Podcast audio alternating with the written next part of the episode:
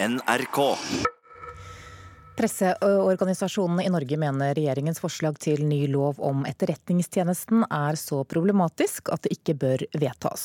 Regjeringen har foreslått at all metadata om kommunikasjon ut og inn av Norge skal lagres i 18 måneder for E-tjenestens bruk.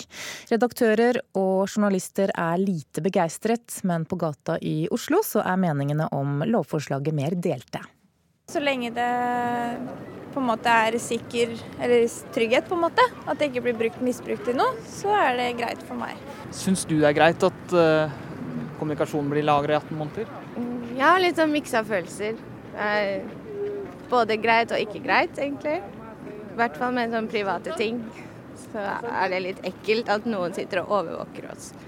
Forsvarsdepartementet vil innføre det de nå kaller tilrettelagt innhenting som tidligere ble omtalt som digitalt grenseforsvar.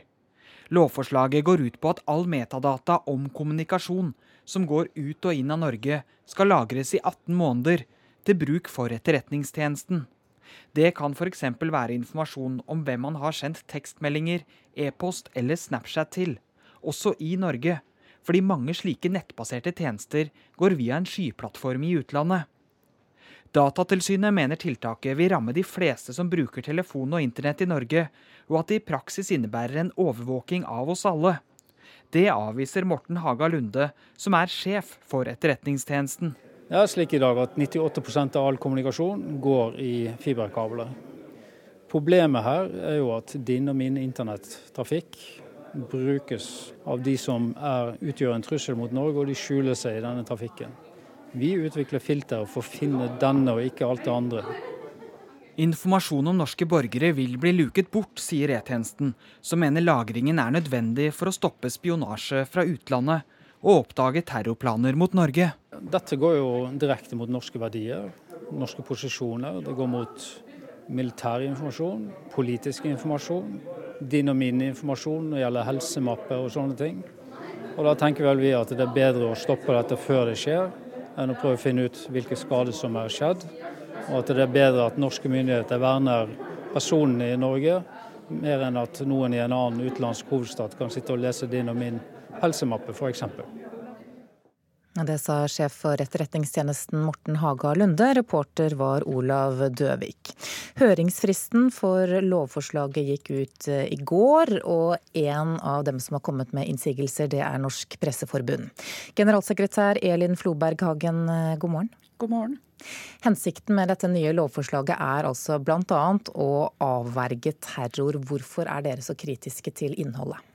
Nei, Det er jo veldig lett å være enig med Forsvarsdepartementet og Etterretningstjenesten i ønsket om å avverke terror og alvorlig kriminalitet i Norge. Problemet med denne, dette forslaget som er lagt fram, er at de ikke har vurdert konsekvensene av å, av å innføre eh, et så omfattende overvåkning av norske borgere eh, som det de faktisk gjør. Det, det, det, regner jeg med de ikke er enig i? De er nok ikke enig i det, men, men det mener jeg helt åpenbart. De har altså ikke vurdert eh, forholdet forholdet til eh, privatliv, retten til privatliv, personvern.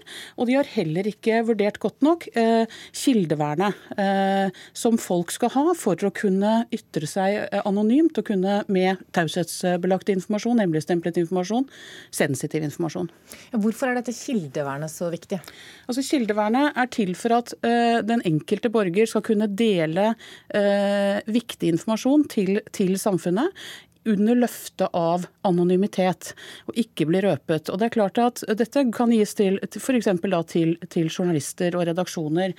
Um, hvis man tror og vet at den uh, etterretningstjenesten faktisk samler inn, uh, eller kan samle inn, uh, alle disse dataene om hvem som kommuniserer med hvem, og ikke bare det, men også potensielt innholdet i kommunikasjonen, så frykter vi at det vil ha en sterkt nedkjølende effekt på, på, på at man tør å ytre seg.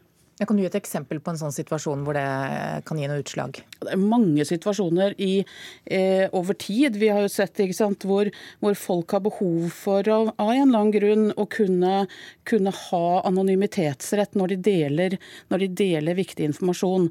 Eh, og Da vil det jo da være sånn at når man deler den med pressen, så har pressen eh, fullt kildevern. Et absolutt kildevern. Man røper ikke eh, sine anonyme kilder. Og dette er helt avgjørende avgjørende for å få den best mulige eh, samfunnsdebatten, rett og slett, og, og, at disse viktige sakene kommer ut. Mm. Nå er det jo ikke innholdet i meldinger eller e-post som skal lagres, det er jo metadata. Det kan også gjøres søk i innholdsdata, men jeg mener metadataene, som da enkelt forklart er eh, hvem er det som snakker med hvem, og, og, og når gjorde de det, osv. Eh, bare det eh, er, eh, må vurderes opp mot eh, kildevernet. Eh, fordi, fordi vi da faktisk kan vite og spore hvem det er som delte informasjon. Så kan de gjøre søk i innholdsdata også, etter domstolskontroll. Eh, og den Innholdsdataen handler om hva er det vi har delt, eh, hva er det vi har skrevet til hverandre osv. Men, men det er vel ikke fritt fram for det? Da må du jo ha en kjennelse på en eller annen måte? Ja, men problemet er at også den domstolskontrollen som foreslås her, er altfor svak. Det er, en, det, er en, helt lukket kontroll, altså ingen innsyn i den kontrollen. Eh, det er ingen motstemmer i kontrollen. Når det gjelder innhenting av data, så vil E-tjenesten eh, selv eh, eh, kunne avgjøre når de har behov for det, hvis det oppfyller lovens grunnregler. Vi så jo, altså Morten Haga Lunde, sjef for Etterretningstjenesten, skrev i Aftenposten i forrige uke at lovforslaget både tar vare på personvernet og ivaretar menneskerettighetene, og også at kontrollregimet som foreslås er, er, omfattende? Jeg har respekt for at han sier det, men han kan ikke bare si det. Eh, han, eh, det må jo synliggjøres gjennom de, de, eh, den loven som faktisk foreslås, og det synliggjøres ikke. Og sånn som, sånn som vi har det nå, så har vi altså en rekke tunge aktører som sier at dette er faktisk ikke godt nok utredet. Datatilsynet har kommet med en meget sterk uttalelse på, på personvernfeltet. Amnesty har det på retten til privatliv. Alle presseorganisasjonene har det på kildevern. Man må lytte til Advokatforeningen, som sier at dette er for dårlig kontroll. Så sånn at man må, man må lytte til de høringsuttalelsene som her kommer inn, og, og, og, gjøre et større arbeid på det feltet. For oss, Fordi å avveie samfunnets Eh, rett til sikkerhet på den ene siden, som er kjempeviktig, opp mot sentrale menneskerettigheter som retten til privatliv og kildevern på den andre, ytringsfrihet. Men det aller viktigste må jo være å avverge terrorangrep eller f.eks. angrep mot strømnettet vårt? Nei, jeg mener det viktigste er å avveie disse rettighetene. Man kan ikke gi avkall på ytringsfrihet og retten til privatliv.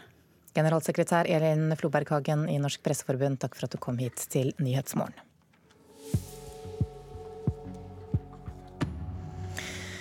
Nordmenn kjøpte 150 000 såkalte stemmestyrte smarthøyttalere i fjor, og flere bransjer satser tungt på denne teknologien. Men det kan fortsatt være utfordrende å få høyttalerne til å forstå hva du sier. Hei, Google. Sett på musikk. Sett på musikk. Ja, i løpet av denne reportasjen så skal altså Thomas, som er selger i lyd- og bildeavdelingen på Elkjøp, forsøke å demonstrere hvordan en smart høyttaler fungerer. Etter hvert i framtiden så kan du styre alt av lys, kaffetrakter, TV, radio etc. bare ved å snakke til en slik høyttaler hjemme. da. Kan vi snakke til her nå? Jeg tror den skal fungere. Skal vi se. OK, eller Hei, Google. Hei, Google. Sett på musikk. Beklager, jeg skjønner ikke hva du mener. Stå på litt. Ja, Vanligvis fungerer den, men men ja, det varierer litt. Prøv vi prøve en gang til, da? Ja. Foreløpig i hvert fall så er de nok ikke smarte nok. De lurer for ofte på hva du egentlig sa, og du må tenke deg om eh, noen ekstra ganger før du får formulere det riktig. Det sier Eirik Solheim i NRK Beta om smarthøyttalere. Han har fulgt utviklingen av teknologien og testa de fleste av de. Litt for ofte så skjønner han ikke hva du sier. Eh, og litt for ofte så blir det litt irriterende å måtte repetere om igjen, og du ber den om å spille NRK P2, og så spiller den P3, osv. Ukas låt. Dette er Ukas låt på P3. Smarthøyttalerne ble lansert på det norske markedet i fjor høst. Og vi har allerede gått mann av huset og kjøpt 150 eh, 000 stykker av dem i løpet av 2018. Sier Marte Ottemo, som er kommunikasjonssjef i stiftelsen Elektronikkbransjen, som representerer de som selger og produserer forbrukerelektronikk i Norge. Yes. Som f.eks. Elkjøp eller Samsung. Nordmenn kjøpte altså 150 000 smarthøyttalere bare de siste tre månedene i fjor, viser tallene Åttemo legger frem i dag. Beklager, jeg skjønner ikke hva du mener. Altså, Til sammenligning så selges det årlig rundt 370 000 TV-er på et helt år i Norge. Rundt 600 000 nordmenn sier i en undersøkelse gjort av elektronikkbransjen at de ønsker å kjøpe en smarthøyttaler. OK, Google. Sett på yndlingslisten min på Spotify. Det er ikke alltid den fungerer så bra i butikken her. Det... Flere store aktører i Norge satser nå tungt på smarthøyttalere. Blant annet vil flere mediehus tilby spesialtilpasset radio, men også aktører som SAS og DNB jobber hele tiden med løsninger via smarthøyttalerne. Greit, her er litt musikk på Spotify. Endelig funket smarthøyttaleren på Elkjøp. Da fungerer det å snakke til nå. da. mm. Yes. Reporter her, det var Christian Ingebretsen. Så skal vi snakke om andre typer lyder.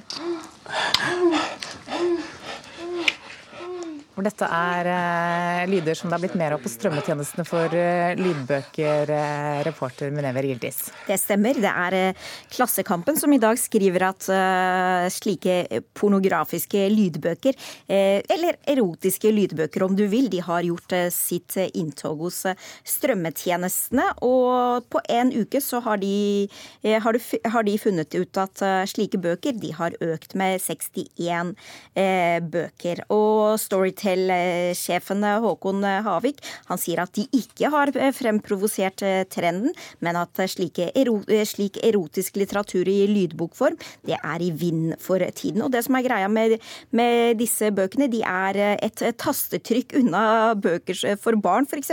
Som eh, bukkene Bruse og Harry Potter. Altså, man kan få de ikke så langt unna hverandre. Og eh, Havik sier at eh, de ikke har planer om å fjerne disse bøkene fra deres eh, plattform, men at de nå jobber med tekniske oppdateringer som skal gjøre disse litt sensuelle titlene mindre synlige. Kommer det noen reaksjoner på dette her? Ja, det, det, gjør, det gjør det. Blant annet så er, kommer det en reaksjon fra forfatter Maria Børja, som har skrevet boka 'Voksenting'. Eh, Og det er en bok som forlaget hennes beskriver som en frekk og nærgående novellesamling, og hun sier selv at eh, ja, det er ikke så gunstig for henne at eh, boken hennes er i samme kategori som disse erotiske bøkene på strømmetjenestene.